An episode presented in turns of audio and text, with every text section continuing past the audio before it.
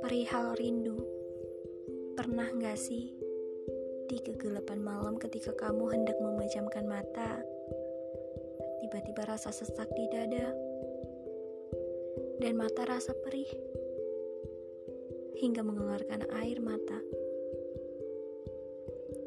Kamu merindukan seseorang, tapi di otak kalian ada namanya, hanya saja wajahnya tidak muncul di dalam benak kalian. Perihal rindu.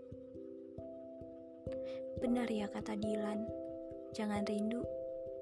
Berat, kamu gak akan kuat. Sebenarnya rindu itu gak berat.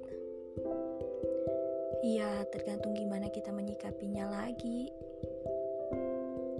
Aku bingung Gimana cara ngelampiasin rasa rindu ini? Sebenarnya kepada siapa yang harus kuberikan rindu ini?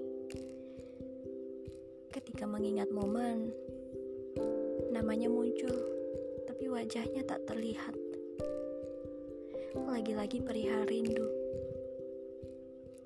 Aku bingung ketika orang mengatakan, kalau rindu ungkapin aja kepada orangnya, jangan dipendam. Tapi ketika namanya muncul tanpa wajah, rasanya susah untuk mengungkapkan. Apalagi orang yang diberikan rasa rindu yang dulunya spesial kayak mie goreng, sekarang jadi asing. Kayak Superman yang tak pernah terlihat di mata.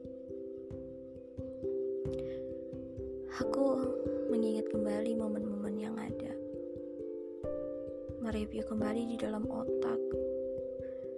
Tapi gua bingung kepada siapa rindu ini yang harus kuberikan. Namanya ada, tapi orangnya nggak ada.